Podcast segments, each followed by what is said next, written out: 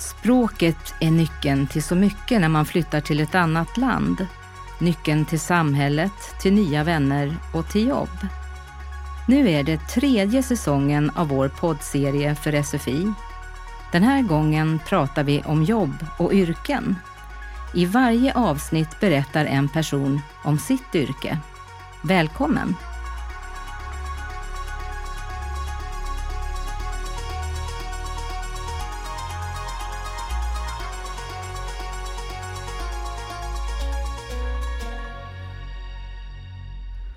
Idag träffar jag Annie som jobbar här på ett bageri.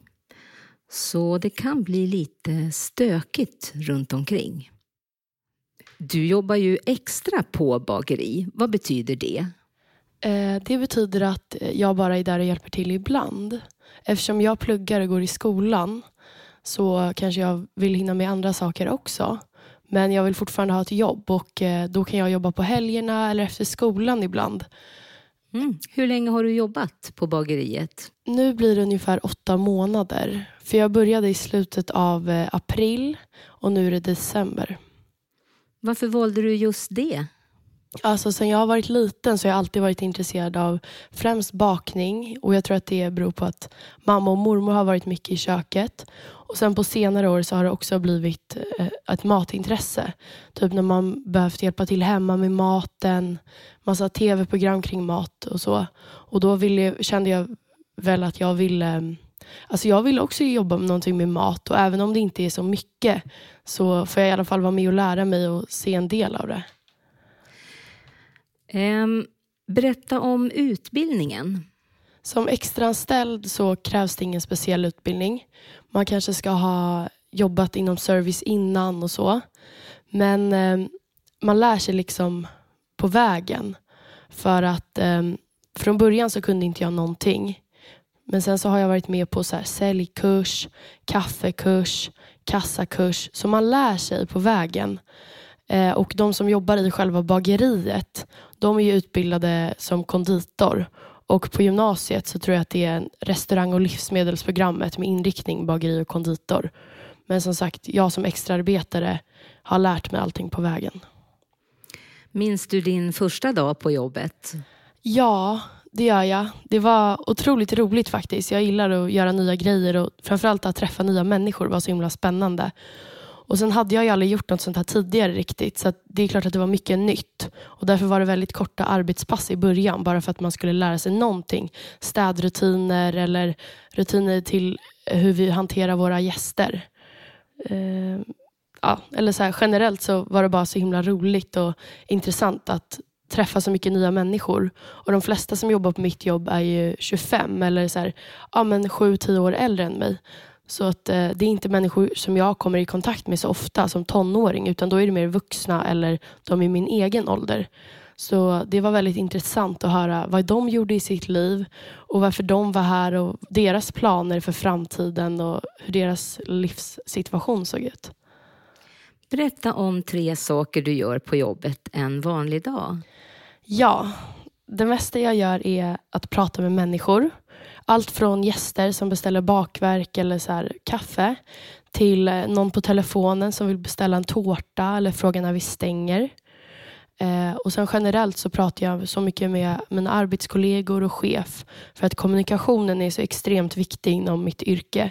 Man måste alltid hålla koll på vad som händer och även fast jag inte jobbar så måste jag fortfarande kommunicera med alla och se, ja men oj nu har vi en ny bulle här. Jag måste lära mig innehållet i den. Eller oj, nu har vi ändrat på de här rutinerna. Så att kommunikation, kommunikation, kommunikation.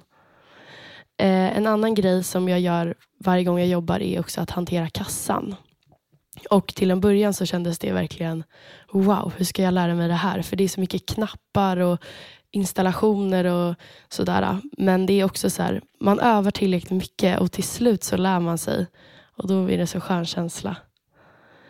Eh, och sen det tredje som man inte tänker på tror jag när man tänker på ja, men att jobba på bageri.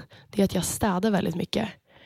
Eh, för när man är hemma så kanske man tänker så här, ja men jag lämnar den här brödkniven framme men mamma plockar undan den eller pappa plockar undan den. Men på bageriet då är det verkligen bara jag. Så att eh, man tänker aldrig på riktigt hur mycket städjobb det ligger bakom. För bara att skära upp ett bröd, det blir ju smulor och skärbrädor och knivar. Så att eh, städningen har också gett mig väldigt mycket, att jag har lärt mig saker som jag också kan ta hem och eh, till framtiden, vilket är väldigt användbart. Vilka egenskaper är viktiga i ditt yrke? Eh, först och främst måste man vara stresstålig eh, och bra på att kommunicera, som jag sa tidigare. Eh, men den viktigaste egenskapen är ändå att vara positiv.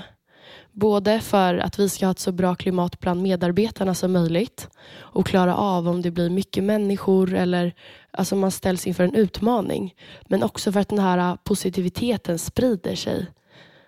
Vi är inte bara positiva för att ha det så bra som möjligt bakom kassan. Utan våra gäster måste även få känna på den här härliga stämningen. För att när man går in och ska köpa en bulle eller ett kaffe, då ska det ju vara roligt. Man ska vilja komma tillbaka. Och då gäller det för oss att vara positiva, för det gynnar alla. Finns det ett särskilt yrkesspråk eller yrkesord i ditt yrke? Ja, det gör det.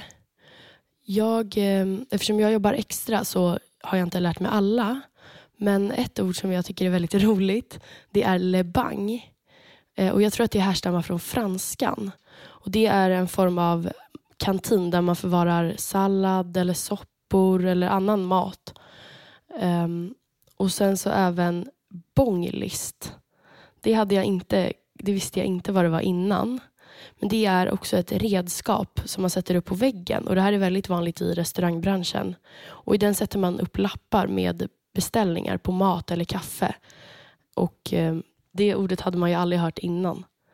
Men det finns ju väldigt mycket olika termer inom bageri och konditori eh, som jag inte har lärt mig riktigt än. Va?